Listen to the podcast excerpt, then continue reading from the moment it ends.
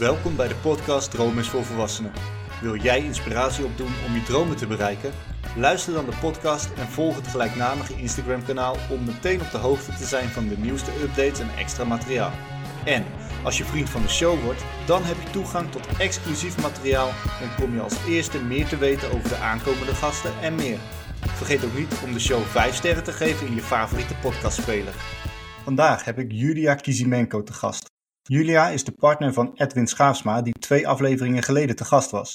We gaan het hebben over het creëren van een droomleven en hoe financiële onafhankelijkheid hierin past. Over de verslaving aan groei en de voordelen van het helpen van anderen. En waarom je niet alle adviezen in boeken meteen moet opvolgen. Julia is medeoprichter van Angels and Dragons en eigenaar van de Growth Accelerators. Op haar twaalfde verhuisde zij vanuit Oekraïne naar Nederland. Haar start in Nederland was lastig en beperkende overtuigingen zorgden ervoor dat ze niet de groei kon maken die ze eigenlijk wel had kunnen maken. De ontmoeting met Edwin zorgde uiteindelijk voor een omkeerpunt. Inmiddels coacht zij ook zelfstandig mensen en is zij samen met Edwin eigenaar van haar eigen droomleven. Welke lessen heeft zij geleerd en welke overtuigingen hielden haar vroeger dan tegen? Hoe is het om in een vreemde omgeving je plek te vinden? En welke belangrijke mijlpalen zijn er geweest op weg naar haar droomleven? En wat houdt dat droomleven dan precies in? Je hoort het allemaal in de nieuwe aflevering van de podcast Droom is voor Volwassenen. Julia, welkom bij de podcast. En hoe gaat het met je? Ja, je hebt juist wat goed gedaan, jeetje. Je ja, al. Ja, ik wou niet uh, onbeslagen ten ijs komen, om het zo te zeggen. Uh, nou, dankjewel. Dat is een, altijd een leuk begin zo. Hoe gaat het? Ja, goed natuurlijk. ik leef mijn droomleven, dus het kan niet uh, mis. Behalve het weer in Nederland. Ja, het weer is inderdaad uh, op dit moment wat minder. Maar goed, we hebben deze aflevering nu uh, online. Door omstandigheden kon het even niet anders. Maar ja, hadden we een paar weken later de opname gepland, dan moest die sowieso online. Want dan zat je aan de andere kant van de oceaan. Een maand. Nog een maand. Oké. Okay. Nou, ja, want voor de luisteraars, waar ga je dan volgende maand naartoe? Uh, we gaan zeven maanden naar Thailand. Ja, nou ja.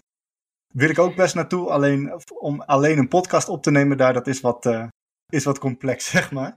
Uh, voordat we daadwerkelijk naar jullie, al die buitenlandavonturen die jullie hebben gaan doen, hebben gedaan, gaan we even terug naar het begin. In de introductie vertelde ik al dat je op je twaalfde naar Nederland kwam vanuit Oekraïne. Klopt. Wat, wat herinner jij nog vanuit die tijd in Oekraïne? Ja, alles. Op je twaalf. Het was op mijn twaalfde verjaardag toevallig. Dus het was wel een bijzondere dag. Dus je vergeet de datum natuurlijk niet meer. En ik werd eigenlijk qua tijdstip in het vliegtuig pas jarig. Dus het is een beetje 11, 12. En uh, ik was heel erg enthousiast. Ik wilde, ik wilde heel graag. Ik, uh, had, ik verveel me snel. Dat is ook de reden waarom ik zoveel bedrijven heb. Want dat was, had ik vanaf jeugd al. Mm -hmm ja, ik was wel toe aan een nieuwe stap en iets nieuws. Toen mijn moeder vertelde dat wij naar Nederland gingen, ja, was natuurlijk super enthousiast en ik had er echt heel erg veel zin in. Ik ging echt met vol moed uh, naar Nederland. We hadden al onze spullen verkocht, huis, alles. En uh, ja, ik had er echt zin in. Ja, totdat ik een tijdje in Nederland was. En uh, ja, eigenlijk begon het allemaal wel een beetje tegen te vallen. Ja, en wat, want hoe was het dan om in Nederland daadwerkelijk te komen? Het ging met ehm, vol goede moed eigenlijk, zei je? Ja, ja, ja, ik had er heel erg veel zin in. Ik merkte alleen dat uh, de taalbarrière een klein beetje erg was, maar niet zozeer. Uh, eigenlijk was wat het meeste last van had, was de cultuurverschillen. Ik was uh, vanuit Oekraïne heel erg gewend uh, van buitenleven. Mm -hmm. Dus als kind kom je gewoon buiten spelen en er zijn altijd kindjes en dan kun je altijd mee spelen en er is altijd wel iets te doen.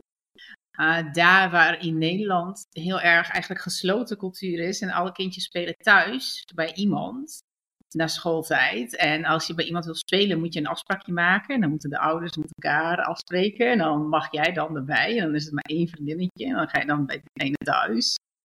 En dat moest ik gewoon heel erg aan wennen. Want ik was gewend om gewoon naar buiten te lopen en al heel veel vriendjes te zien.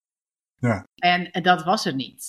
En ook uh, het afspreken, ja, is een keer naar jou team, dus natuurlijk, je wordt ook niet zo snel uitgenodigd. Maar ook bijvoorbeeld, um, ik was gewend als ik een zak snoep mee had naar school, dan was het altijd delen en iedereen uh, kreeg wat van mij. Dat was onze cultuur. En ik merkte dat andersom het niet altijd het geval was. Ik zag dat iedereen met zijn eigen broodrommeltje op school zat. en at zijn broodjes op en ook de snoepjes. Ja, en jij kwam met de hele bakkerij, zeg maar, om iedereen brood uit te delen. Uh, nou, brood niet, maar wel snoep, snoep en dat soort dingen. En ik merkte dat het niet teruggedeeld werd. Nee. Ja. En, en ik merkte ook dat uh, kinderen, want dat, dat kwam eigenlijk als volgende, is dat mm kinderen mij heel erg uh, ja, negeerden of wat dan ook. En dan had ik er met mijn moeder over, van ja, hoe dat komt. En toen zei mijn moeder tegen mij van, goh Julia, dat komt. Jij bent nu een buitenlander, wij zitten nu in een ander land. En dat betekent dat jij minder bent dan de rest. En het zou, wat je ook doet, het zal je nooit lukken om uh, op hetzelfde niveau te komen naar de Nederlandse kinderen. En uh, dat is zo bij mij bijgebleven, dat is natuurlijk ook meerdere malen gezegd, dat ik eigenlijk mijn hele leven daar met die overtuiging heb uh, geleefd. Dus elke keer als ik uh, school ging, ja, ik wist zeker dat ik nooit goede cijfers zou halen. Want ja, ik was een buitenlander. En toen ik mijn diploma haalde, dan was het echt zo van, ja, met middelbare schooldiploma ga ik toch niet halen? Ik ben toch een buitenlander? En toen merkte ik dat andere kindjes het niet haalden en ik wel. En dat was voor mij echt wel een grote shock. En dat is echt heel raar. Want ik wist welke cijfers ik had. Ik wist wat mijn gemiddelden waren. Mhm. En nou ja, als je dan examens ging doen, dan ja, wist je wel ongeveer of je wel of niet ging halen. En ook um, was er op gegeven op die dag toevallig dat, um, uh, dat de diploma-uitrij of de examencijfers bekend waren. Zou je dan uh, gebeld worden door, uh, door school als, als je niet had gaan worden, als je het niet had gehaald. Ja. En toevallig op die dag gooide KPN alle telefoonlijnen plat. dus je was sowieso geslaagd, want je kon niet gebeld worden. Je kon niet gebeld worden. Dus ik dacht, ik, ik ging ook al natuurlijk met mijn vriendinnen toe, uh, naar, naar, iedereen toe. Iedereen zei van nee, als je niet, uh, want die hadden al gehoord van anderen, dat als je niet was geslaagd, dan uh, kwamen ze bij je langs zelfs, een van de leren. Ja. Dus ik wist, er is, ik ben niet gebeld, ik ben niemand bij me langs geweest. En toch zat ik daar in de rij. Ik dacht, ja, ik, je, je komt in zo'n zaal. Ik dacht, ik krijg mijn diploma niet. Ik was er zo van overtuigd. En toen mijn naam opgeroepen werd, dat ik gewoon niet eens reageerde. Ik, ik had niet door dat het echt voor mij was.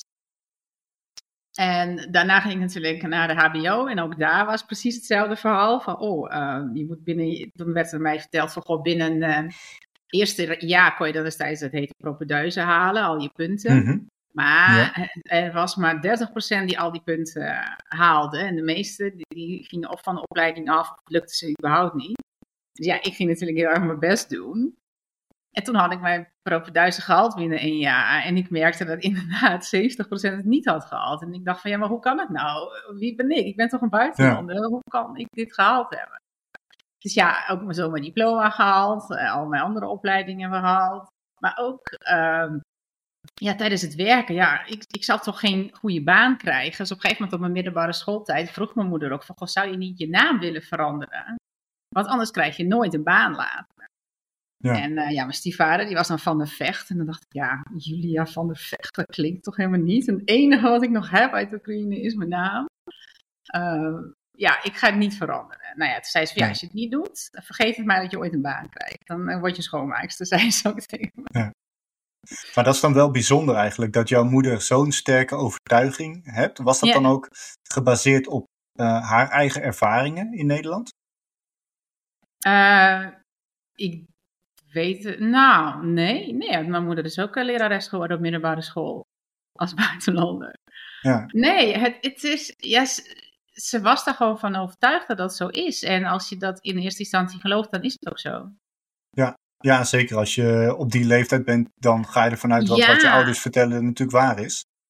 Maar ook voor mij, weet je, ik, ik, ik, ik haalde al mijn diploma's, maar het was nog steeds niet tegenbewijs dat ik het niet zou doen. Of uh, toen ik ook mijn eerste baan kreeg, ja, nog steeds niet, uh, uh, niet zoiets van, goh, zie je wel, het is, het is anders. Nee, ik haalde alles, ik haalde een baan, ik had een diploma en nog steeds geloofde ik niet in.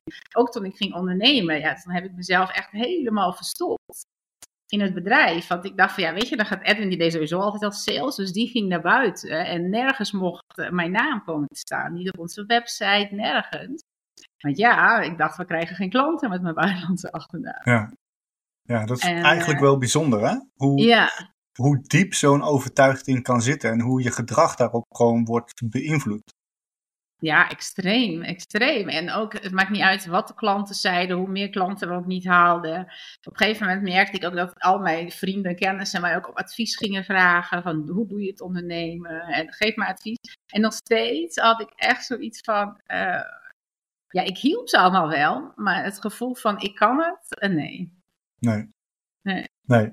Is het dan als je terugkijkt, hè, en om nog even terug te gaan naar die tijd in Oekraïne, was het Mhm. daar dan anders op school? Dat je daar eigenlijk gewoon overal, ook al was het de basisschool natuurlijk, makkelijk doorheen fietste? Ja, ja, ik was een van de beste en mijn moeder was natuurlijk lerares. Dus daar werd ik al wel een beetje gepest van, goh, je wordt eh, een beetje naar voren gehaald.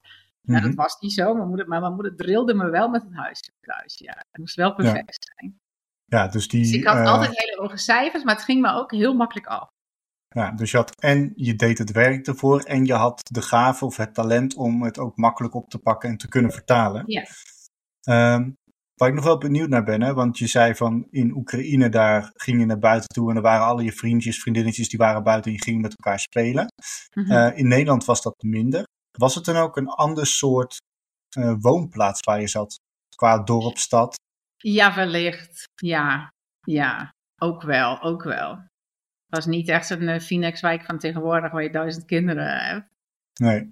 Dus dat, had- maar ja, goed, dat, dat, die leeftijd realiseerde ik me dan niet. Nee, maar nee. überhaupt, überhaupt het, het aspect van met je vriendjes afspreken om thuis te spelen, dat heb je daar niet. Daar heb je zeg maar, ja, dat heb je hier ook nog allemaal speeltuinen. Mhm. In elke wijk heb je er meerdere en daar gaan de kinderen naartoe. Ja. En de omaatjes die zitten daaromheen om een beetje op de kinderen te letten of ze nou wel van jou zijn of niet. Ja. ja, precies. Dus die sociale controle die is vanuit de grootouders eigenlijk. En de ouders die kunnen dan eh, ja, het huiswerk nakijken wat jij dan hebt gemaakt. Om Ja, zo te zeggen. klopt. klopt. Stel, hè, stel hè, ik ga je nu een vraag stellen en daar wil ik aan het eind van, de, eh, van ons gesprek antwoord op. Stel Mhm. dat jij Julia van de basisschool spreekt. En dan mag het zowel, en dus misschien wel mooi, de Julia die dan net in Nederland is gekomen. En die dus van haar moeder heeft gehoord dat, omdat zij buitenlander is, eh, nou, de kans bestaat dat ze toch niet zo ver gaat komen. Welk advies zou je haar willen meegeven in het bereiken van haar dromen? Ja, gewoon doen. Wat ik nu ja, doe. Ik wil straks antwoord hebben. Kijken of Oh, dat er nog iets anders eh opkomt. Nee, dat maakt op zich niet uit hoor. Want kijk, in principe, hè, wat je vertelde, je had één hele duidelijke eh, beperkende overtuiging vanuit je moeder. Dat is namelijk dat je, om het zo te zeggen, niet goed genoeg was om Ja. de top te kunnen bereiken. Klopt. Hoewel je vanuit Oekraïne, in Oekraïne zelf, het tegendeel bewijst. Ja. Want je had en hoge cijfers en het ging je makkel- gemakkelijk af. Ehm, ja, dat gedrag van de tijd en alles die je erin stopte, dat heb je natuurlijk ook gebruikt hier in Nederland. Want anders dan Ja. ga je ook niet je propenduizen zo makkelijk halen. Ehm, wat was voor jou daadwerkelijk het omslagmoment, zeg maar, dat die beperkende overtuiging niet meer zo werkte? Dat je daarvan afkwam? Nou ja, eigenlijk eh, nou, heeft Edwin, Edwin mij daar een beetje bij geholpen. Maar ook, eh, zeg maar, hetgeen wat wij realiseerden. Dat wij eh, ons bedrijf verkochten.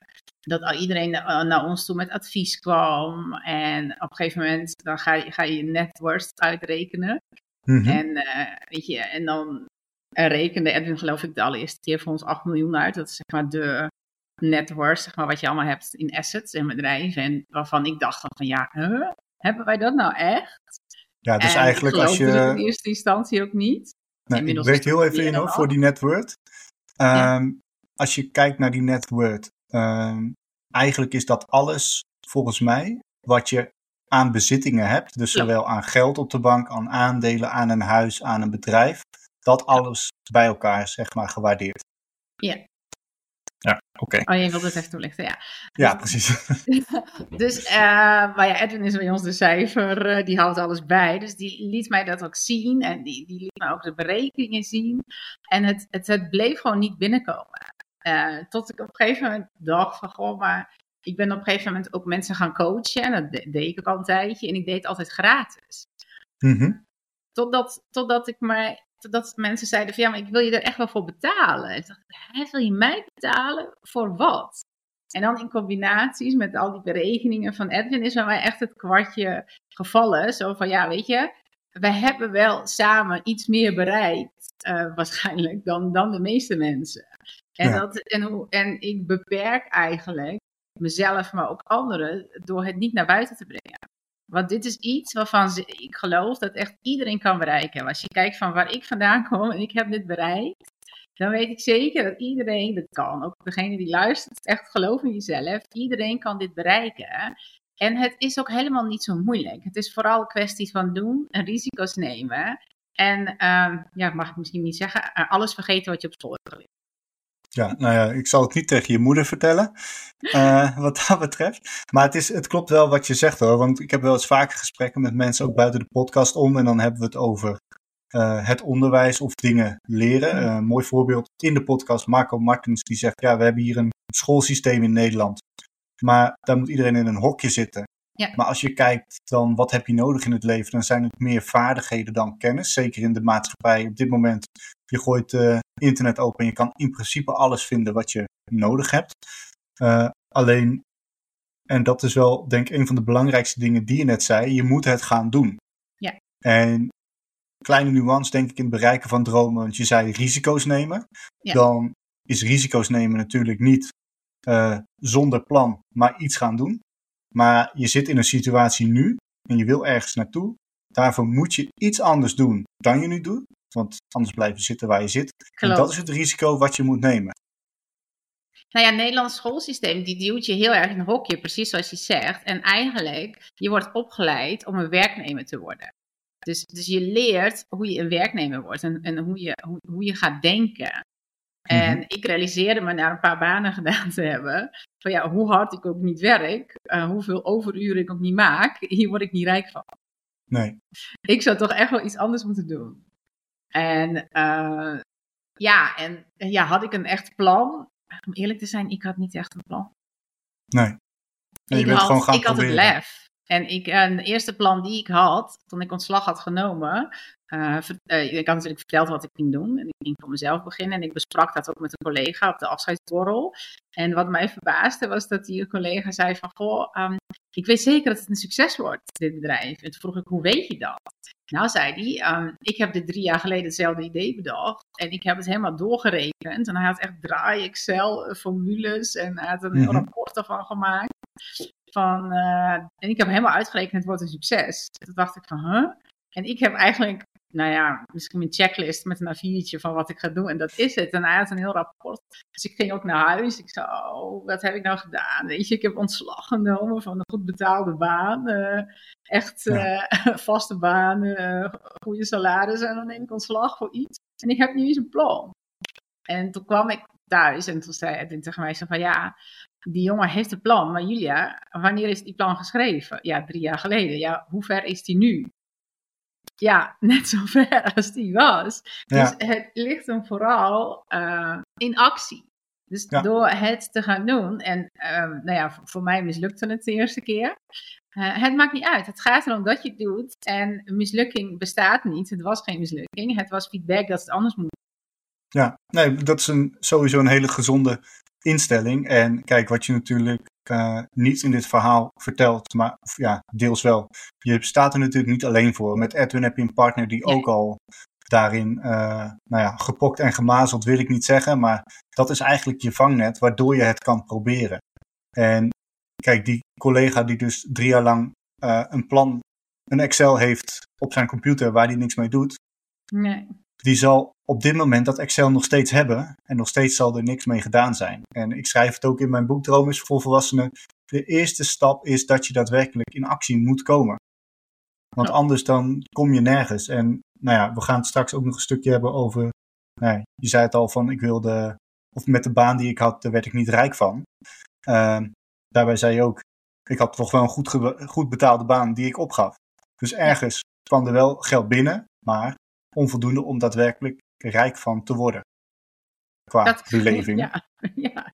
Nee, het bleef een beetje hangen. Je kreeg een beetje salarisverhoging elk jaar en daar bleef het bij. Ja, ja en heel veel mensen die willen natuurlijk uh, dat leven wat mensen op Instagram zien. Dat ze, of op andere social media, dat ze gewoon overal ter wereld naartoe kunnen reizen. Uh, maar ze zien alleen de topje van de ijsberg en niet die route daar naartoe. En die route, Oh, daar ja. ben ik straks natuurlijk ook nog wel benieuwd naar. Ehm, maar een van de grootste ehm, ja, overwinningen die je dus hebt gemaakt, is die beperkende overtuiging overwinnen. Klopt. Ehm, en je zei al, ik heb heel veel positieve ervaringen nodig gehad om daar überhaupt overheen te komen. Wat was voor jou dan daadwerkelijk dat kantelpunt? Was dat die berekening van Edwin? Of, Ja, En hoe lang zat er tussen die berekening van Edwin en jouw afstuderen aan het HBO? wow. Wauw. Eh, wanneer ben ik af? Die weet ik veel. Jaar of tien? Maar dan kan je dus zien dat je eh, eigenlijk, eh, nou, jarenlang, Ja. misschien, nou ja, je hebt natuurlijk ook je middelbare school nog tijd nog gehad, dus Ja. minimaal 15 jaar heb ja. jij nodig gehad om van da- die ene opmerking van je moeder, om daar overheen te komen. Ja, dat klopt. Dus dan zie je ook hoe, eh, als je het hebt over ja, het bereiken van je dromen en je droomleven, hoeveel positieve ervaringen je nodig hebt om één enkele negatieve ervaring te kunnen ja, overroelen, als het ware. Eens, ja.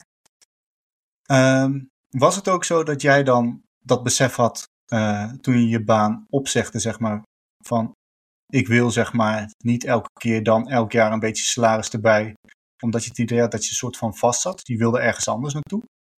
Ja, ik verveelde me op mijn baan eigenlijk, om eerlijk te zijn. Dus dat, dat was ook wel een, een- iets wat mij die kant op duwde. Ik, Mhm. ik, vond, ik vond het werk te makkelijk. En daardoor, eh, ja, het was gewoon pure verveling. En eh, wat ik ook merkte, is dat ik daar, eh, niet, dat ik daar slechte beoordeling op kreeg. Want dat is echt heel simpel. Mijn manager destijds, ze vertelde, ze zei tegen mij van, goh, dat is je beoordelings die je elk jaar hebt.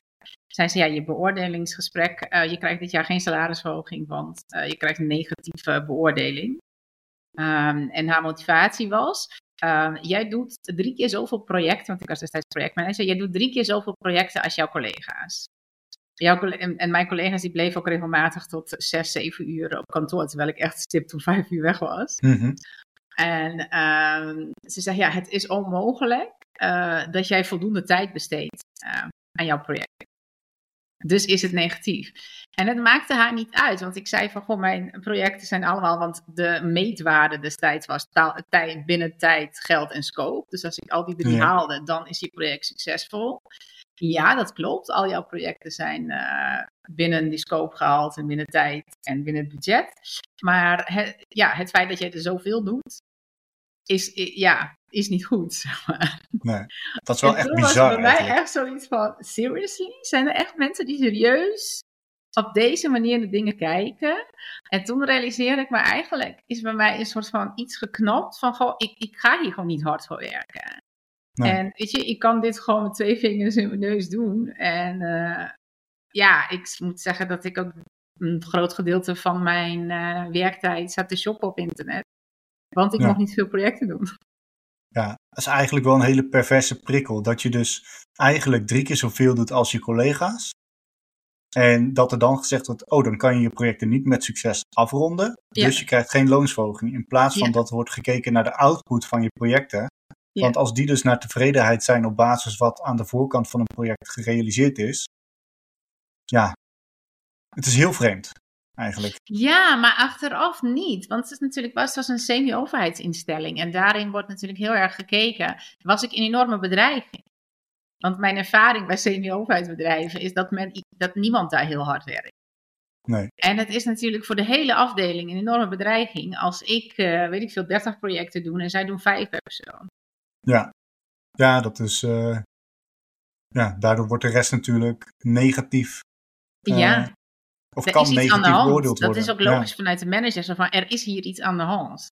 En aangezien Ja. 99% van de afdeling op 5, 6 projecten zit. En Julia op 30, dan is er iets. Dan doet zij waarschijnlijk niet goed. Dus ik geef haar ook niet echt ongelijk hierin.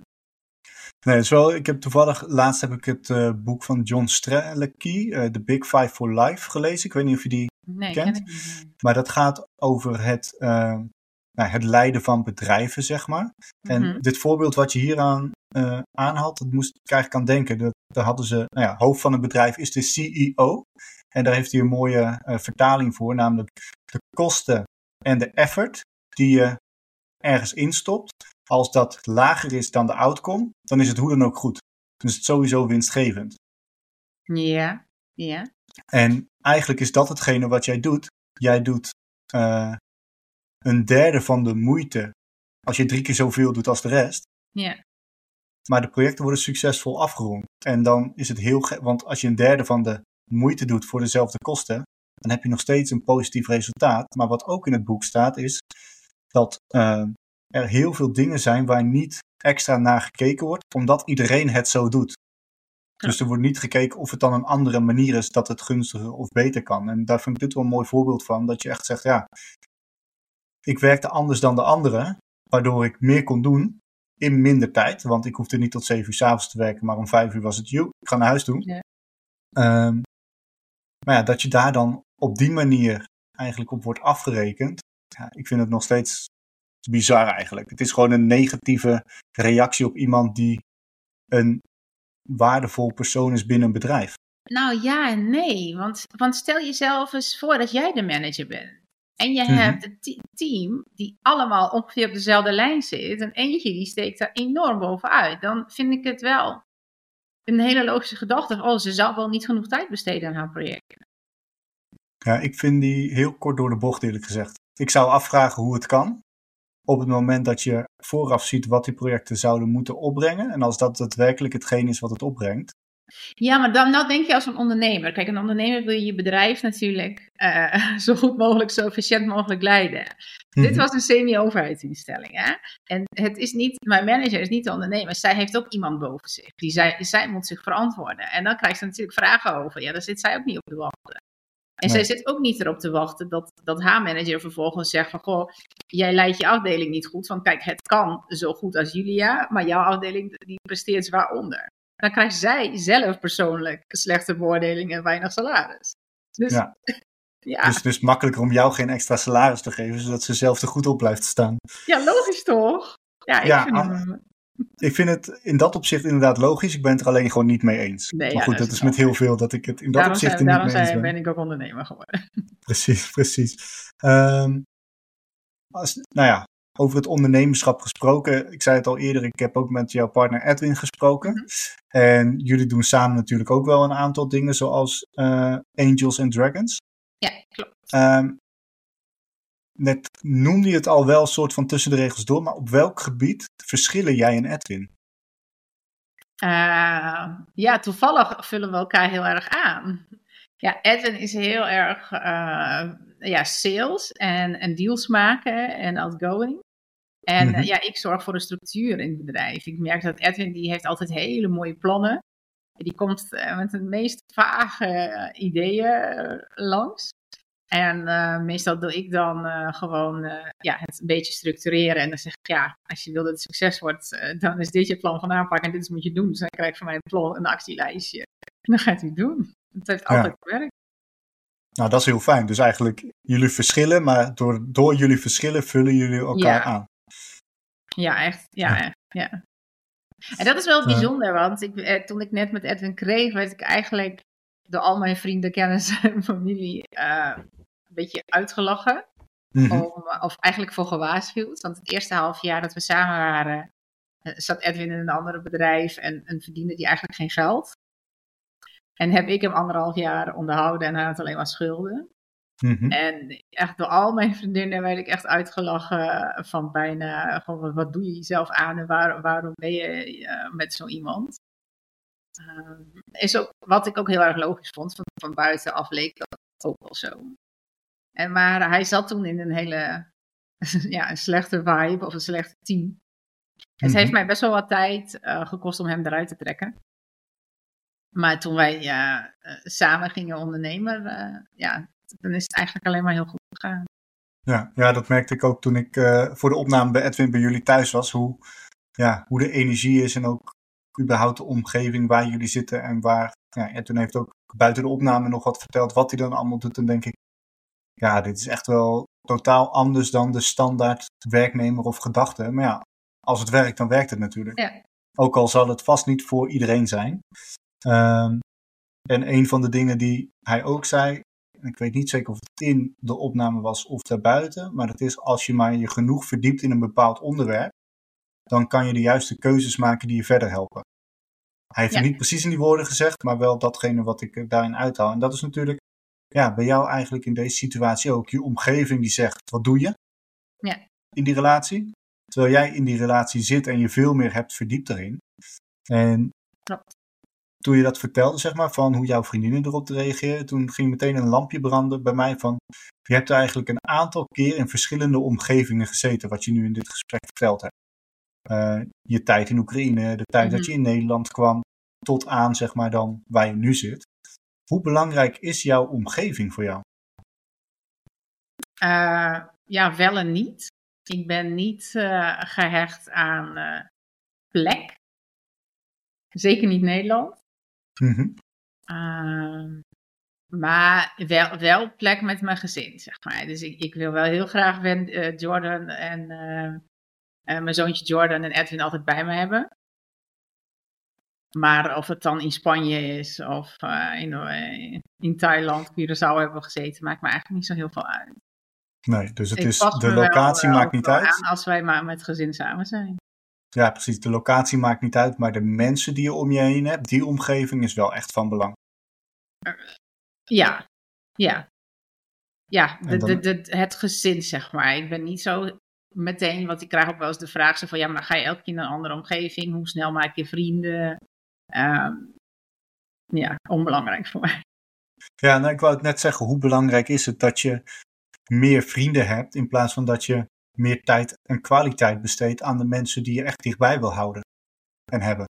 Ja, eh, ja, ik vind iets minder belangrijk. Eh, natuurlijk, als ik in Nederland ben, spreek ik met mijn vriendinnen en mijn beste vrienden allemaal af en familie. Maar eh, nee, wij zijn niet. ik, als ik in het buitenland ben, hoef ik niet per se mensen om me heen. Nee. Heel toevallig kom je wel, want je bent natuurlijk als reis, reizend, eh, blank gezin, kom je heel vaak wel gelijkgestemde tegen. Dus daar Ja, dat merkte ik mee. En eigenlijk haal ik mijn eh, sociaal. Het is niet zo dat ik helemaal eh, niet sociaal ben. Maar ik zie zeg maar ons netwerk en de mensen die bij ons coach, eh, coaching volgen, die lid zijn van onze community, van Angels and Dragons. Ja, daar haal ik echt wel mijn energie uit. Want het zijn mensen die op dezelfde manier denken, die ook willen groeien, die iets willen bereiken. Ja, ik zie het eigenlijk allemaal als vrienden. Ja. Ik, Ja, dat is hartstikke mooi natuurlijk. ja, dus het is voor mij echt, het is gewoon ons netwerk en ook onze, onze sociale netwerk meteen erbij. Ja, de werk en privé niet gescheiden houden, maar Nee, juist lekker niet. combineren, om het zo te zeggen. Ehm, eerder vertelde je ook al hè, dat jij echt wel hard werkt. En ik zag ook op de website dat je niet per se eh, aan het begin, en dat zij ook op de voorgrond wilde staan. of Zeker stond. niet, nee. Ehm, hoe belangrijk was voor jou dan het werk wat je verzette, zonder dat je echt op de voorgrond stond en misschien ook niet de erkenning ervoor kreeg? Ja, ik wilde juist niet erkenning. Hè? Ik wilde niet dat mensen mij zagen. Ik, wist, ik wilde niet eh, eh, ja, dat men wist überhaupt dat ik bestond. Dus ik Ja. deed heel veel en ik zorgde dat, dat Edwin op de voorgrond kwam. En eigenlijk ja, tot op het laagste niveau toe. Ik zorgde dat hij 's ochtends een ontbijt had, dat hij lunch mee had, dat er anders ergens onderweg een lunchlocatie was geregeld. Uh, als hij thuis kwam, dat alles geregeld was. Administratieve taken, alle interne, alles werd al, al geregeld. Hij, hij moest eigenlijk alleen maar naar klanten toe. Mhm. En ik zorgde eigenlijk uh, voor de rest. Ja. ja, dus eigenlijk alle, alles ontzorgen, om het zo te zeggen. Ja, ja, ja totdat en... ik me realiseerde dat, dat, dat zei hij vanaf dag één al, dat wij het samen deden, maar zo voelde ik het niet. Maar totdat ik op het moment realiseerde van, goh, ik heb daadwerkelijk ook iets in te brengen. En dat was wel een last van mijn schouders, ja. Ja, want wat, wat betekende dan het feit dat je dat dacht? Wat zorgde ervoor dat die last van je schouders viel? Ja, het voelde wat lichter. Zo van, ik hoef niet meer zo hard te werken, want hetgeen wat ik doe is ook goed. Ja, dus de bewijsdrang was eigenlijk weg. Sorry? De bewijsdrang was eigenlijk weg. De uh, noodzaak om je te bewijzen. Ik weet niet of het te bewijzen was. Ik, ik, ik merkte gewoon dat het elke keer niet goed genoeg was. Of van, ik doe niet goed genoeg en er is niet, er is niet genoeg. Zeg maar, dat, dat stemmetje van je bent niet goed genoeg, want je bent een buitenlander, dat vertaalde mm -hmm. zich in, in, elke actie. In alles. Uh, mijn e-mails zijn niet goed genoeg. Onze website is niet goed genoeg. Onze, hoe kan ik goed klanten aanspreken? Hoe kan ik zorgen voor voldoende omzet? Hoe kan ik de structuur? Alles, alles zat erin. Ja, was het dan ook moeilijk om erkenning te krijgen voor datgene wat je deed? Omdat je dus ergens dat stemmetje nog had Ik wilde het juist niet. Weet je, als mensen mij erkenning daarvoor gaven, dan verstopte ik me. Ik wilde het niet. Nee. Was dan dat als, je... men, als men erkenning gaf voor mijn werk, Mhm. uh, nou, nou, ja, niet, niet toen in loondienst, maar bijvoorbeeld zakelijk, uh, dat betekent dat mensen mij zagen. Dan hadden ze door dat ik ook dingen doe. Ja. Ik zag het als negatief. Wat, wat zat daar dan achter? Was dat dat stemmetje in het hoofd en misschien angst dat het zou mislukken? En dat je dan dus dat bewijs hebt van datgene wat je moeder zei? Ja, van, uh, ja, je bent buitenlander, dus hetgeen wat je doet is uh, slechter dan alle andere mensen in Nederland. Mm -hmm. En dan hebben mensen het door en dan zien ze hoe slecht je bent. Ja. En dan is het dus die bevestiging en zit je in dat mooie cirkeltje, ja. om het zo te zeggen. Ja. ja. Hoe lastig was het dan voor jou om echt die omslag te maken? Om te ja, zeggen, het heeft wel geduurd. Ja. Het heeft wel geduurd. Het, het, het, het networks schema van Edwin, die Excel ziet, heeft hij echt wel uh, tien keer als niet meer aan mij moeten uitleggen en stap voor stap laten zien. Hij werd mm -hmm. op een gegeven moment ook bijna boos van, ja, maar kijk dan. Weet je wel, zo. Waarom zie je niet dat je het gewoon goed doet? Ja, ja. ja. ja maar dat ik denk dat het ook wel mens-eigen is dat heel veel mensen het moeilijk vinden om uh, positief feedback te ontvangen. Ja. En te denken van, ja, nee, wat ik eigenlijk nu doe, dat is goed. En uh, waar ik nu mee bezig ben, dat is precies datgene wat ik moet doen om straks dus richting dat droomleven te gaan. Ja, en misschien heb ik daarom ook die drang om uh, iedereen uh, uh, met gedachten die ik vroeger had eruit te halen. Mm -hmm. Weet je, Ja. ik weet hoe dat is en ik weet ook dat het niet waar is. Het is gewoon iets in je hoofd eh, wat het doet. En als ik dat zie bij anderen, dan kan ik het soms ook niet laten. Tot aan irritant aan toe. Eh, kan ik niet stoppen om degene eruit te halen. En soms vragen mensen zo van, Julia, weet je, ik, ik wil het niet, laat het los. Maar dat is voor mij dan niet mogelijk. Want weet je, als je ergens in gelooft, dat is net als, uh, weet je, als, je kan ook niet aan Jehovah getuigen vragen van stop, uh, stop met je overtuiging over te brengen. Want Nee. ik geloof daadwerkelijk dat, die, net als die Jehovah, die denkt van, goh, als ik stop met mij overbrengen, dan is de kans dat deze persoon doodgaat of in de hel gaat. En uh, ja, zo voelt het voor mij ook. Als ik mijn vrienden of vriendinnen er niet uittrek, ja, dan is het ook bijna alsof hun leven, dat ze alleen maar ademen, zeg maar. Mm -hmm. ja, niet je volledige potentieel kunnen bereiken. Ja, en het is niet een, niet een extra iets, maar voor mij is het echt bijna alsof ze dood zijn en alleen maar ademen, mm -hmm. leven en op een gegeven moment met pensioen gaan en dood. Ja, dus ja ik, en eigenlijk is dan het leven nog niet eens echt leven, maar meer, ja. Uh, ja, je gaat door, je doet de dingen die je moet doen, maar het is niet dat je echt leeft of je droomleven leeft, zeg maar. Ja, dus ja, ik kan niet stoppen om iedereen uh, daaruit te proberen te trekken. Nee, je bent natuurlijk ook daarin gewoon een ervaringsdeskundige. En Ja. je hebt zelf ervaren hoe het kan veranderen. Dus dan is dat ja, eigenlijk heel logisch om het zo te zeggen. Je voelt gewoon letterlijk dat het anders kan. Je bent zelf het bewijs dat het anders kan. Ja, en, dan Ja, en ook is het... vooral hoe makkelijk het is. Want ja, ik, ook ik dacht vroeger, ja, het is niet aan mij besteed. Of het is heel moeilijk om een succesvol bedrijf te hebben. Of je moet Mhm. geluk hebben om veel geld te verdienen. Eh, terwijl het allemaal, nu weet ik, dat is allemaal niet zo. Je kan het gewoon allemaal voor jezelf regelen met hele simpele stappen. Alleen je moet het doen. Je moet het Vooral, doen en ja. ja, je moet van je overtuigingen af. En, ja, in ieder geval eh, de beperkende overtuigingen. Ja. Ja, want als ik dan kijk hè, naar beperkende overtuigingen, als we het hebben over het stukje eh, geld verdienen en Mhm. wat heb je vanuit je ouders meegekregen, om het zo te zeggen. Eh, vroeger, en dan ja, heb ik het zeg maar over de generatie van mijn ouders, dan was het sparen is eigenlijk heilig, zeg maar. ja. En Terwijl het het investeren, domste is wat je kan doen. Zeker in deze tijd. ja, ik weet niet of die helemaal opgaat, maar dat is meer, eh, ik denk dat je een deel moet sparen om eh, een buffer te hebben, simpelweg. Dus stel dat je auto kapot gaat of wat dan ook, dan moet je niet in één keer niet genoeg Nee. geld hebben, om het zo te zeggen. Ehm, maar dat is je korte termijn plan. Mhm. En je korte termijnplan, dat zie ik dan echt voor een half jaar. Dan moet je daar gewoon zorgen dat je dat aan spaargeld hebt. Dat als er iets misgaat, dat je dat kan opvangen. Alleen daarna wordt het interessant. Want ik ben nu vier jaar bezig met investeren, gewoon op een laag niveau. Maar juist om ervoor te zorgen dat ik over twintig jaar met pensioen kan. En Edwin zei, oh, maar dat kan ook over vijf jaar. Toen dacht ik, ja, dat vind ik misschien wat kort, kort zeg maar. Ehm, maar goed, dat laat wel zien hoe hij dat ziet. Van ja, als je dat wil, dan kan het ook sneller. Ja. Ehm, als je maar doet en de juiste stappen doet. Maar ik weet ook, ik heb een plan gemaakt en ik heb liever een heel, ja, het heet antifragiel plan. Dus dat het gewoon tegen stootjes kan. Mhm. Ja, en ik merk nu in die vier jaar tijd dat mijn plan echt wel aan het werk is. En dat voelt hartstikke fijn.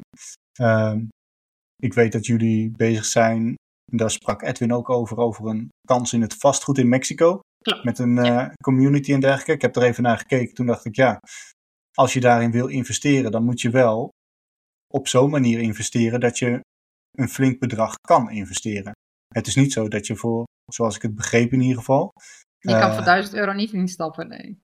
Nee, precies. En kijk, 1000 euro hebben heel veel mensen natuurlijk op dit moment niet liggen, waardoor ze de kans om eventueel daarin te investeren niet hebben. Eens. En dat is dus ook, je moet zorgen dat als jij een droomleven wil leven, dat je ten eerste, en daar gaan we het straks bij jou nogal over hebben, maar wat is mijn droomleven? Wat is daarin daadwerkelijk van belang? En daarna, wat kan ik doen om ervoor te zorgen dat dat droomleven er komt? Mhm. Kijk, mijn investering is bedoeld om eerder met pensioen te kunnen. Dan weet ik dat de kosten die ik maandelijks heb, die moeten gaan binnenkomen zonder dat ik de noodzaak heb om te werken. Klopt.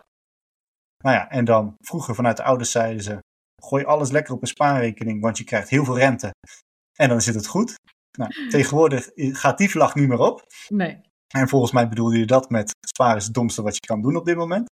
Ja, onder andere. Uh, maar op het moment dat jij kan investeren op een lager niveau, en ik gebruik zelf twee manieren, dat is gewoon op basis van ETF's en met crowdfunding in bepaalde projecten die ik tof vind, op kortere termijn, merk ik dat ik nu daar wel stappen in maak. En het is nog niet waar ik wil zijn. Mm Het is niet dat ik nu honderden euro's per maand extra verdien. Maar ja, ik heb ook niet de ruimte om dat op dit moment te doen. Maar stel dat die ruimte er komt, dan is het natuurlijk hartstikke mooi. Nou ja, je bent in ieder geval begonnen. En dat is, dat is natuurlijk al stap 1 en dat is super fijn. Ja, nee, dat zeker. En ik heb ook heel veel mensen, vrienden om me heen, met wie ik daarover praat. En je merkt dat heel veel mensen zeggen: Ja, ik moet eigenlijk een keer beginnen. Ja. En, en dat zeggen ze dan een jaar later ook nog. Dat ik denk: van ja, in dat jaar heb ik gewoon al. Zoveel verdiend. Ja. ja, en achteraf had ik gewild dat ik tien jaar eerder ja. was begonnen. Maar ja, dat is altijd. Oh, ik ook hoor. De, ja, de beste deals worden natuurlijk achteraf uh, gesloten. Als we dan kijken hè, naar jouw droomleven.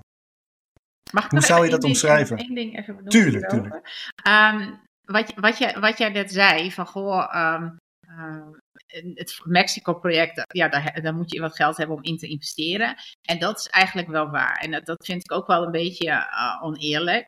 Uh, ik merk wel, hoe succesvoller wij worden, hoe makkelijker het geld verdienen gaat.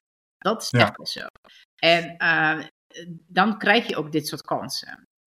En laatst hoorde ik een, uh, een, bekende coach zeggen van er zijn twee manieren om geld te verdienen. Weet jij toevallig welke het zegt? ik denk heel hard werken en een bank overvallen. ja, ja.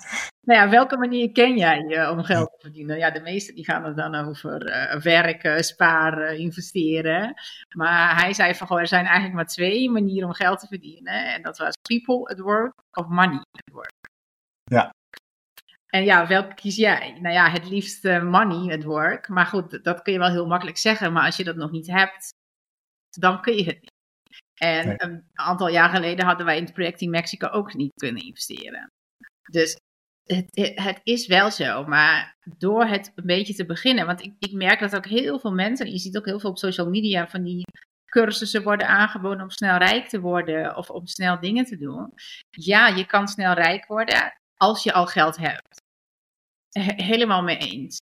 Maar heb je het geld nog niet, um, geloof ik ook niet in al die trainingen en al die investeringen. Je kan niet snel rijk worden. En dat is bij ons ook niet zo gegaan. En ook ik heb die trainingen gevolgd en gelezen. Dacht, oh ja, ik wil nu ook snel rijk worden.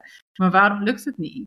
omdat het gewoon niet bestaat. Mensen kijken ook nou wel eens naar ons en zeggen ze van ja, maar jullie zijn er al. Jullie hebben het al. Jullie kunnen alles al wat jullie willen. Maar ze zien niet wat wij hiervoor gedaan hebben. Kijk, toen wij ons bedrijf startten, waren Edwin en ik alleen maar aan het werk.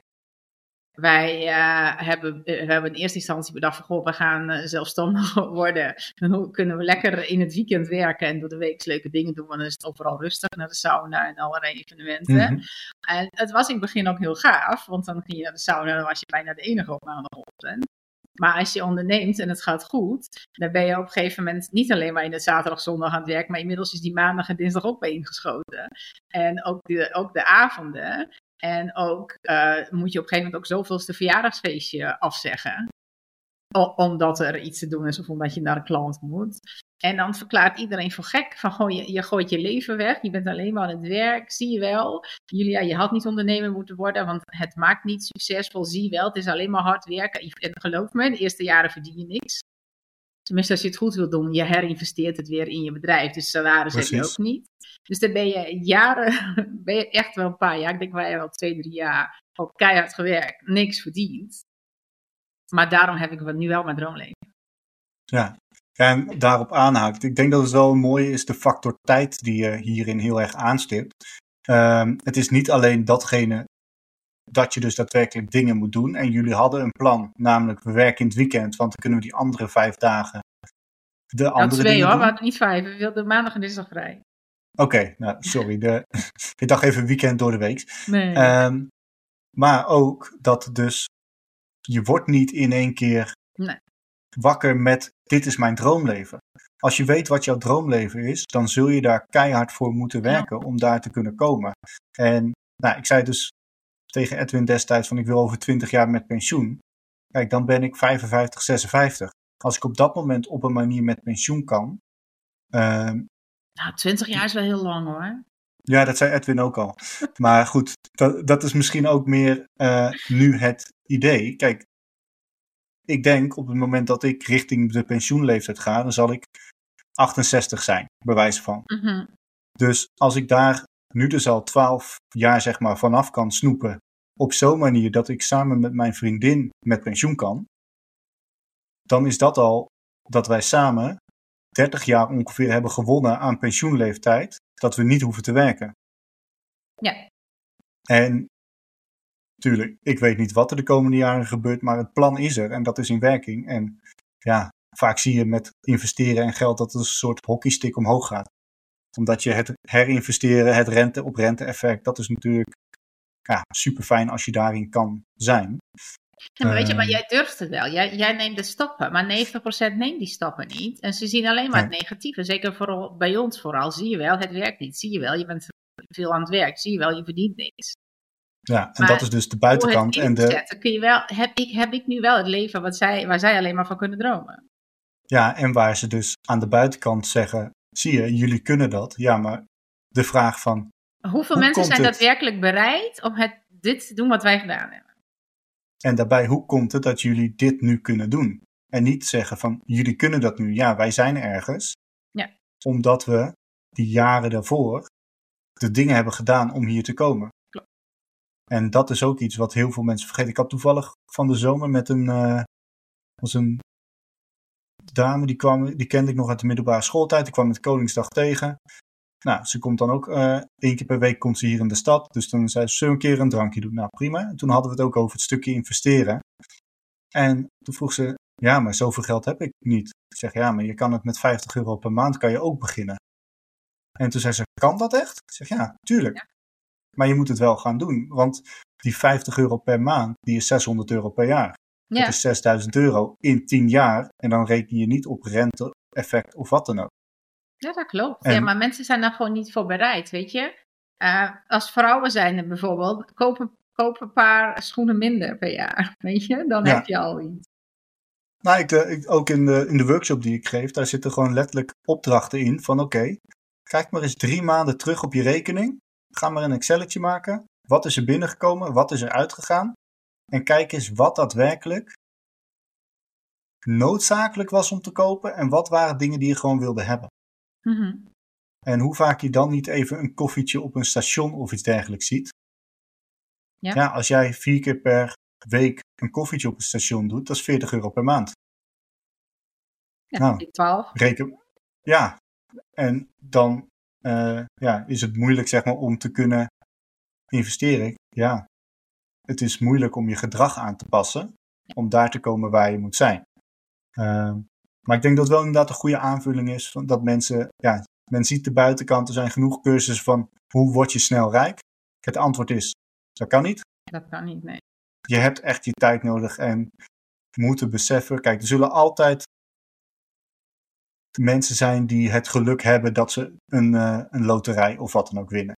Die heb Maar je. ook die, hè, 70% daarvan zijn eh, binnen een jaar bankroet. Ja. Omdat ze niet het goede systeem hebben om het te kunnen onderhouden. Klopt. En ja, dat is ook gewoon belang. Dat je je gedrag en je routines dusdanig vast hebt staan.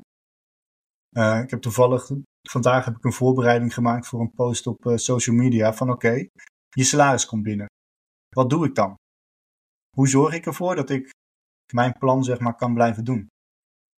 En niet aan het eind van de maand of wat dan ook, of op de dag voordat je loon weer gestort wordt, je salaris van, dan ga ik kijken. Nee, je salaris wordt gestort.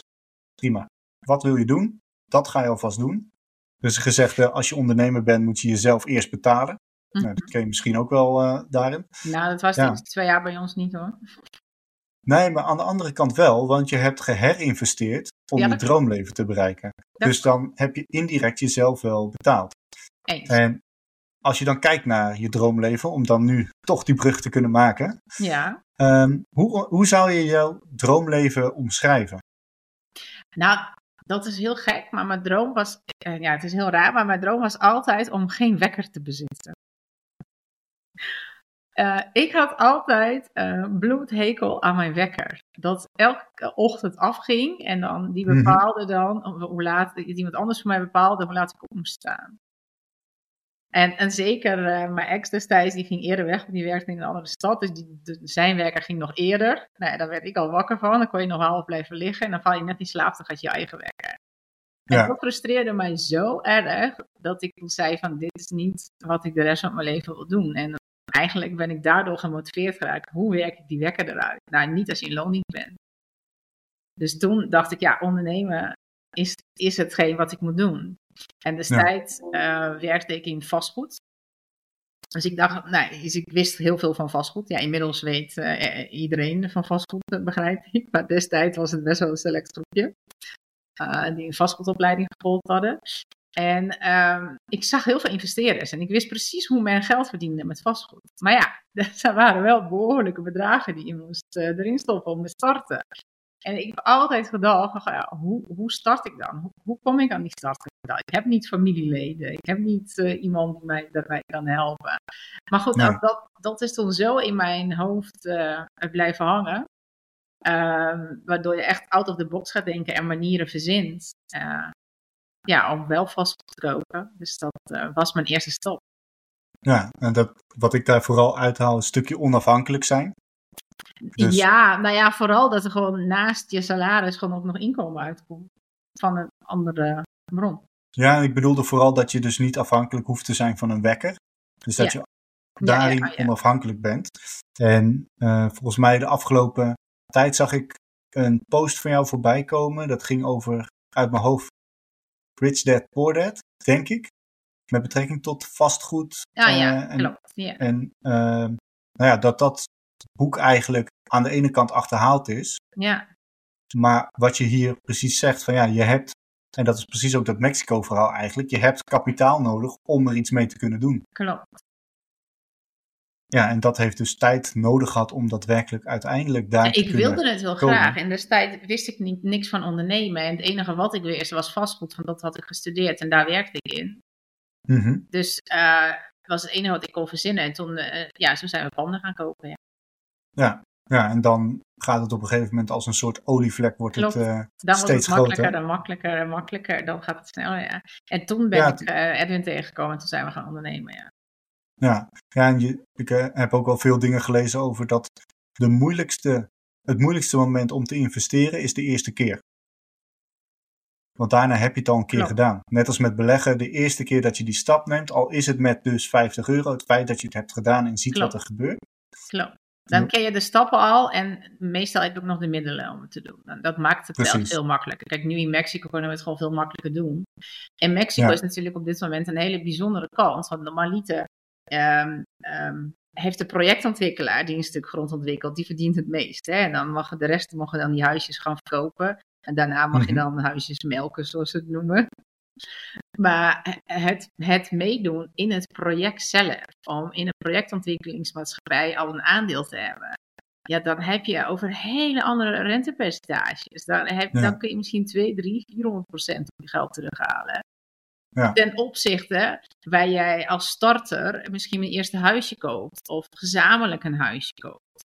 En uh, ja, weet je, op vastgoed tegenwoordig, als je 5, 6 procent rendement haalt, is al heel veel. Mm Ja, dan moet je het inderdaad in het begin wel mee doen. Want in het begin heb je onvoldoende middelen of netwerk om in zo'n project als Mexico in te stappen, waar je een paar keer je geld eruit haalt. En ook redelijk binnen termijn. Maar ja, mhm. volgens mij, uh, ja, je stapt er niet met 1000 euro in. Nee, nee dat, en dat is nou eenmaal zo. En kijk, wat ik vaak hoor van mensen is dat er, uh, het lijkt alsof er een stukje jaloezie is, zeg maar. Van, oh, de rijken die hebben alleen maar die kansen, om het zo te zeggen. Of mhm. jullie hebben alleen maar die kansen. Terwijl, ja, ik denk dat het heel goed is om eens terug naar de basis te gaan van, doe je datgene wat je moet doen om daar ook te kunnen komen? Precies. Of is het zo dat je letterlijk vindt dat jij daar recht op hebt, zonder dat je er iets voor hoeft te doen. Dat is het. Men is niet bereid, wat ik net ook zei, om keihard ervoor te werken en een weekenden en avonden en verjaardagsfeestjes voor op te geven. Ja. Je, maar wel zeuren van al de rijken en die hebben dat. Ja, maar wij waren wel bereid om dat te doen. Ja, precies. En uiteindelijk moet je het verduren, die mhm. periode dat even niet leuk is. En pluk je op een gegeven moment de vruchten ervan. Klopt. Um, als je dan kijkt, hè, want jouw droomleven was in eerste instantie, je wil niet afhankelijk zijn van een wekker. Ja.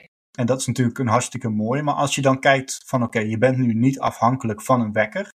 Wat houdt dat droomleven dan in? Hoe ziet een dag, een week, een jaar er dan uit? Want nou je zei net al zeven maanden Thailand. Ja, voor mij is het allerbelangrijkste dat ik zelf kan bepalen hoe mijn dag eruit ziet. Dat maakt mijn droom eigenlijk echt waar. Dat is voor mij echt het aller, allerbelangrijkste. Er is niemand anders ik hoef niet per se ergens te zijn om geld te kunnen verdienen, om, om, om, om, om mijn hypotheek te kunnen betalen. Ik hoef niet op een bepaald moment op te staan. Ik kan zelf bepalen.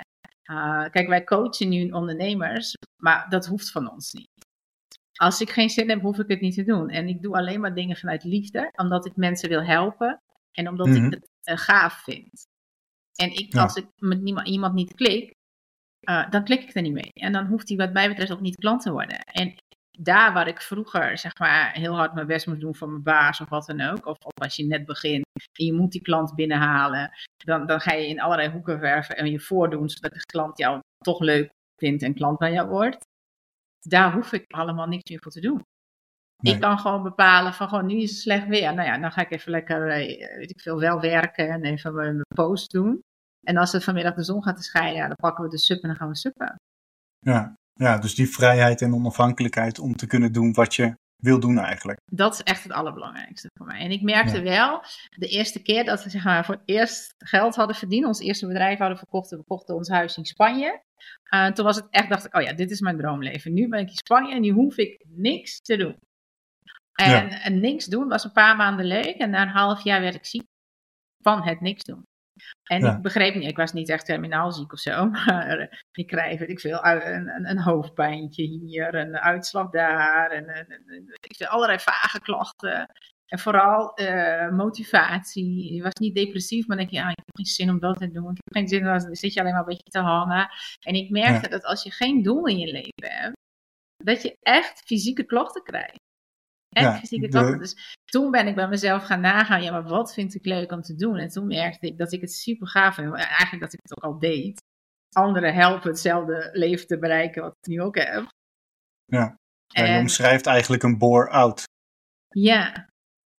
Ja, dus je wordt echt ziek daarvan. En toen zijn wij dus bedacht om, uh, ja, om mensen te gaan coachen, om ook succesvol te worden. En nou ja, mijn Edwin kennende, al, al, als je ergens aan begint, ja, dan willen we ook winnen. en dan willen we het ook meer en groot en alles. Dan maak je Ja. er een soort van wedstrijdcomponent van. Ja. Ja, ja, en eigenlijk wat je hier ook bij dat huis in Spanje, die verveling, die je Ja. ook bij je baan had terwijl je drie projecten had en maar een beetje ja, online shopping aan het doen was. Toen snap ik ook waarom het zo lastig was om op dat moment te investeren als je alleen maar aan het shoppen was online, natuurlijk. Ehm, deed ik Nee, maar dat zijn- Toen hadden we die panden al. Hoor. Oké, oké. nou, dan was dat eh, een kleine contextwijziging eh, aan mijn kant. Ehm, nee, maar als ik dat allemaal een beetje goed kan samenvatten, wat je dan eigenlijk hebt in wat de vraag wat is jouw droomleven, dan is het het stukje onafhankelijkheid en vrijheid om datgene te doen wat je wil doen. Klopt. Zonder dat je je zorgen hoeft te maken over de eh, middelen, het geld wat eh, binnen moet komen.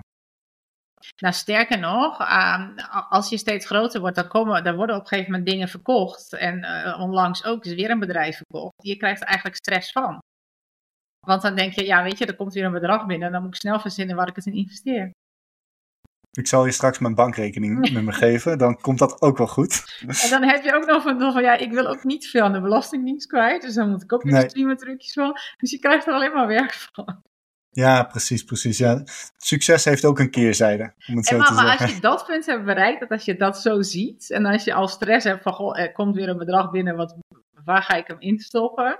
Op dat moment realiseer je wel zo van, ja, wat, wat een gaaf leven hebben. Ja, ja dan, dan, zijn, dan is het de zorgen van, oh, ik wil niet, eh, eigenlijk datgene wat ik heb, wil je beschermen, zonder dat je bang bent dat er eh, te veel wordt afgepakt, als het ware. Dat je dus niet meer datgene kan doen. Ja. En ja, dat is denk ik voor heel veel mensen heel inspirerend om dat te kunnen zien en te ervaren. En voor jullie natuurlijk fantastisch om het te kunnen ervaren. Mhm. En dat dat gewoon, ja, wat dat betreft, je leven is, om het zo te zeggen. Ehm, ik zit even te denken, want, nou ja, ik zei net nog, of je, je zei net, zeven maanden Thailand komen er nog aan. Vorig jaar zijn jullie ook naar Thailand geweest, Ja. weet ik. Wat eh, maakt dat jullie dan teruggaan, zeg maar, naar Thailand? Want jullie zijn volgens mij ook vaak Ja. in Spanje geweest. Nou ja, ja, in Spanje hadden we een huis en toen hebben we na drie jaar verkocht door corona.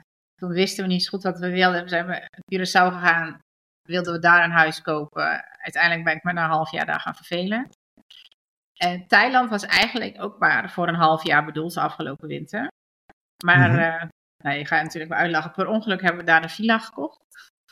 Omdat die In één keer hadden je hem. ja, gebeurt soms. Eh, iemand moest heel snel van de villa af, die had geld nodig. Nou ja, daar waren wij natuurlijk eh, voor een bepaald bedrag mee bereid eh, om degene te helpen. En eh, ja, inmiddels hebben we hem te koop gezet. Het idee was om hem te verkopen, maar de markt, de vastgoedmarkt in Thailand eh, is niet, niet heel happig op het moment. Dus eh, Ja. toen was het van ja, blijft het huis, gaan we het verhuren of gaan we er zelf in? Ja, dan gaan we maar de winter zelf in. Ja. En als Ja, het je halverwege de winter verkocht wordt, dan trekken we verder. Ja. ja, dat is wel fijn dat je die vrijheid ook gewoon hebt daarin. Ja, ik vond het zonde dat hij leeg staat, weet je wel. denk ik, ja. En als je het moet verhuren, je kan daar wel mooie rendementen mee halen, maar ja, dan moet je, dat is ook wel weer geregeld. Ja, en je hebt natuurlijk, als er iets kapot gaat of wat dan ook, ja, dat weet je ook niet van tevoren. Maar Nee, maar ja, dan moesten wij, want wij gingen sowieso de winter weg. Dan denk ik, ja, dan kunnen we naar een ander land, terwijl ergens een, een pand van ons leeg staat, laten we maar daar gewoon heen. ja, dus redelijk logische gedachte, denk ik. Ja, maar stiekem Ehm. hoop ik wel dat hij snel verkocht wordt. Er zijn al wat kijkers en gegadigden. En dan wordt het Ja. een ander land. Precies, dan kan je die weer afvinken, om het zo te zeggen. Als je dan kijkt nu, hè, want ehm nou, de afgelopen jaren zijn jullie echt wel enorm gegroeid en gaat het echt hartstikke goed. Ja. Waar sta je dan over vijf tot tien jaar? Oh, dat is een eh, bijzonder. Oh, dat weet ik echt niet. Ik heb het idee dat we alles al hebben wat ik zou willen. Ik weet dat Edwin, die Ja. denkt er anders over. Die wil al altijd eh, groter en die wil doelen. Wat mij betreft heb ik alles wat ik wil. En voor mij is het allerbelangrijkste dat ik kan genieten van mijn leven. En dat ik dingen kan doen die ik leuk vind. En dat ik nergens afhankelijk van ben. Ja, echt de vrijheid. Ja, En Ja, ik moet wel zeggen dat als je eenmaal op een bepaald kantelpunt hebt, wat ik net vertelde, het is in het begin keihard werken en niks verdienen. mhm, Maar op een gegeven moment kom je op zo'n punt, en dat punt komt uit het niets vallen, ik weet niet hoe, maar ineens kom je op zo'n punt dat je alleen maar kansen hebt en dat het op een of andere manier uit zichzelf komt. ja, er zijn mensen die eh, die hebben het dan over manifesteren. Ja? En ik vind, ja, persoonlijk heb ik daar best wel een allergie tegen dat woord en hoe het gebruikt wordt. Omdat, ja, hoe het vaak gebruikt wordt is als je maar genoeg eraan denkt, dan komt het op je pad. Mhm. En daar heb ik moeite mee, want ik denk dat, en dat is ook eigenlijk wat je zelf zegt, als je continu de dingen doet die je moet doen om daarin verder te komen, dan komen de kansen op je pad. Ja, Maar op het moment dat je al die dingen niet doet en gewoon op de bank blijft zitten, dan komt het niet op je pad. oh, geloof mij, in het begin heb ik dat ook gedaan. Hoor. Ik dacht, oh, manifesteren en nadenken en, en plaatjes maken. En het, ah, het komt niet. Het komt Nee. niet. Pas als je het loslaat, komt het. Precies. Ja, het is, in de slaapoefentherapie is een mooi gezegde. Eh, in slaap vallen is als het vangen van een muis. Je moet namelijk niet proberen om die muis actief te vangen, maar je moet gewoon de dingen Oh. doen die ervoor kunnen zorgen dat de muis gevangen wordt en dan er niet meer aan denken. En dan op een gegeven moment heb je hem. Ja, ja eens. Ja, ja ineens, ineens kwam het. Klopt. Ja. Juist op het moment dat wij niet meer hard gingen werken, eigenlijk. Nee, dan heb je de ruimte en dan gaan de oogkleppen een beetje af, zeg maar. Dan wordt je blik wijder en dan ja, zijn die dingen er. Ja. Een mooi voorbeeld is misschien wel, ik, vind, ik had, eh, in de podcast heb ik Arjan Dwarshuis gesproken. Dat is eh, de wereldrecordhouder vogels kijken in één jaar. Ik had bijna 7000 verschillende soorten gezien in één jaar. Nou, dat vond ik al echt super tof. Ja. Afgelopen zomer waren wij in eh, Noorwegen met de camper en we gingen een hike doen. En die hike was letterlijk een kilometer lang traplopen. Nou, het is niet het meest leuke om een kilometer lang Nee. trap te lopen, kan ik uit ervaring vertellen. Het uitzicht was waanzinnig. Maar misschien nog wel mooier. We stonden op een gegeven moment op een stukje even uit te rusten. En toen zei mijn vriendin, hé, hey, kijk die rode vogel daar. Nou, die heb ik dan nog wel mooi op de foto kunnen zetten. Super fijn. Ehm, want ik wil eigenlijk ook gewoon kijken van wat is er nou in de natuur allemaal, wat zie ik, wat kan ik voor nieuwe dingen ontdekken. Ja, en dit was dan een ontdekking. Ik was totaal niet bezig met vogels zoeken op dat moment, Mhm.